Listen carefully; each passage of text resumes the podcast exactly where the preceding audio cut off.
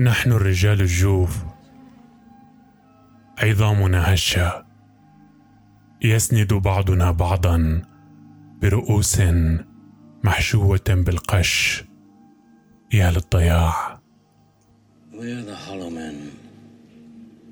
We're the stuffed men, leaning together, headpiece filled with straw. Alas.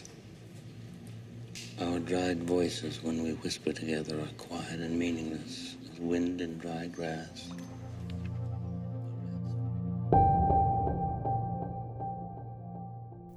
مرحبا بكم هذا البودكاست هو دراسة وقراءة في قصيدة الرجال الجوف لتي إس إليوت أعدها الكاتب والناقد الفلسطيني يوسف اليوسف ونشرت في العدد الثاني من مجلة الآداب الأجنبية 1 أبريل 1977 نقرأ القصيدة بدايةً.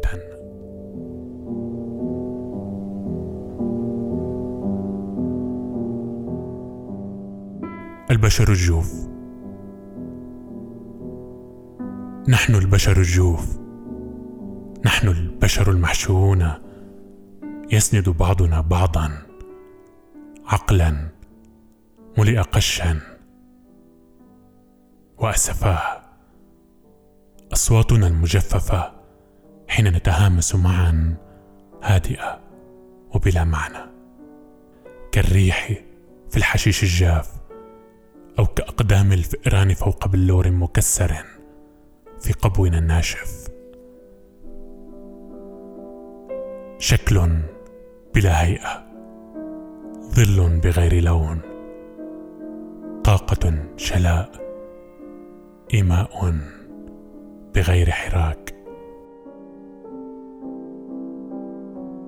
والذين عبروا بعيون مباشرة إلى مملكة الموت الأخرى يذكروننا يذكروننا إذا ذكروا لك نفوس شرسه ضائعه ولكن كبشر جوف كبشر محشوين وحسب. عيون لا أجسر على ملاقاتها في الأحلام وفي مملكة الموت الحلمية. لا تظهر هذه العيون.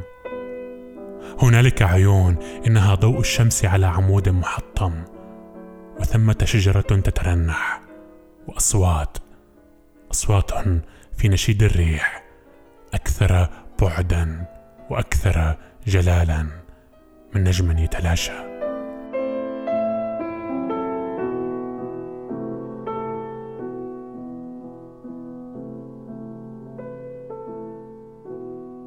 لا تجعلني أكثر اقترابا في مملكة الموت الحلميه وكذلك اجعلني ألبس حجبا مقصودة كهذه.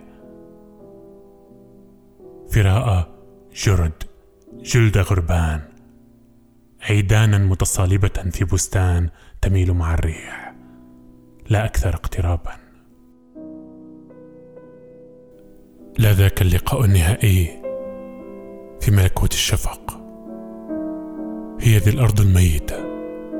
هي ذي أرض الصبار. ها هنا الأوثان المتحجرة تنصب. وها هنا تستقبل الضراعة من يد إنسان هالك. تحت الآلئ نجما يتلاشى. هل الحال على هذا النحو في مملكة الموت الأخرى؟ نفيق وحدنا في ساعة نحن فيها نرتجف. برقة بشفاه لو قبلت لرفعت الصلوات للحجر المكسور. العيون ليست هنا. ما من عيون ها هنا في وادي النجوم المحتضرة هذا؟ في هذا الوادي الأجوف هذا الفك المكسور لممالكنا المفقودة. في آخر أماكن اللقاء هذا. نتلمس الدرب سويا ونتجنب الكلام. محشودين على هذا الشاطئ للنهر العائم. بلا بصر إن لم تعاود العيون الظهور كالنجم الخالد كوردة عديدة الأوراق. وردة مملكة الموت الشفقية. الأمل الوحيد للبشر الخاوين ها نحن أولئك نطوف بالكمثر الشائك. الكمثر الشائك. الكمثر الشائك. ها نحن أولئك نطوف بالكمثر الشائك في الساعة الخامسة من الصباح. ما بين الفكرة والواقعة ما بين الحركة والفعل. يسقط الظل لأن لك الملك بين الحمل والخلق. بين الإحساس والاستجابة. يسقط الظل. العيش جد طويل. بين الرغبة والفورة. بين الكمون والوجود. بين الماهية والأصل. يسقط الظل. لأن لك الملك. لأن لك الحياة تكون. لأن لك لك ال... على هذا النحو ينتهي العالم. على هذا النحو ينتهي العالم. على هذا النحو ينتهي العالم. لا بالضجيج بل بالنشيج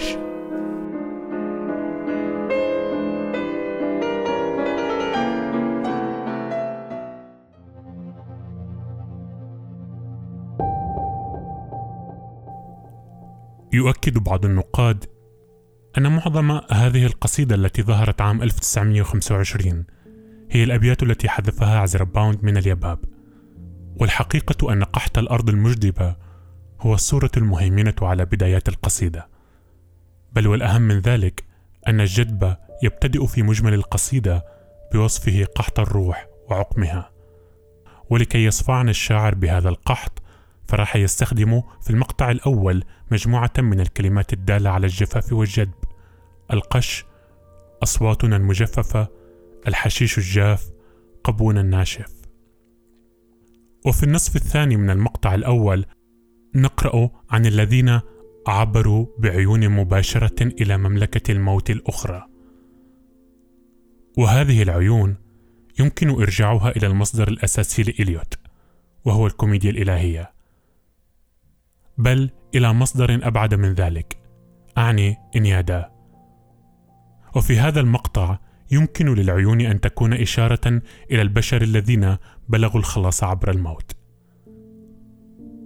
أما في المقطع الثاني فالعيون ضوء الشمس على عمود محطم إنها عيون بياتريس رمز الخلاص البشري. ولكن الحجب المصنوعة من فراء الجرذان وجلود الغربان والعيدان المتصالبة تفصل بيننا وبين هذه العيون وتحجب عنا الخلاص. إن هذه الحجب هي رمز التقزز الذي يثيره فينا عالم رأسمالي متفسخ. وتعود صورة الأرض المجدبة القاحلة إلى التوضح المباشر مع بدايات المقطع الثالث. فهنا نواجه أرض الصبار الميتة وأرض الأوثان المتحجرة التي تستقبل الضراعة من الهلكة تحت نور الأنجم المتلاشية ويبدو أن القصيدة حتى الآن هي تناوب بين صورتي الأرض المدمرة وعيون الخلاص. فمع بداية المقطع الرابع تعود العيون لتغدو الموضوع الأساسي لهذا المقطع. ففي الوادي الأجوف الذي نعيش فيه وادي الأنجم المحتضرة لا يمكن لهذه العيون أن تتواجد أي أن الخلاص مستحيل إلا في مملكة الموت. فنحن محشورون على هذا الشاطئ للنهر العائم. بانتظار أشرون ناقل الموتى إلى هاديس كيما يشحننا بزورقه إلى الضفة الأخرى.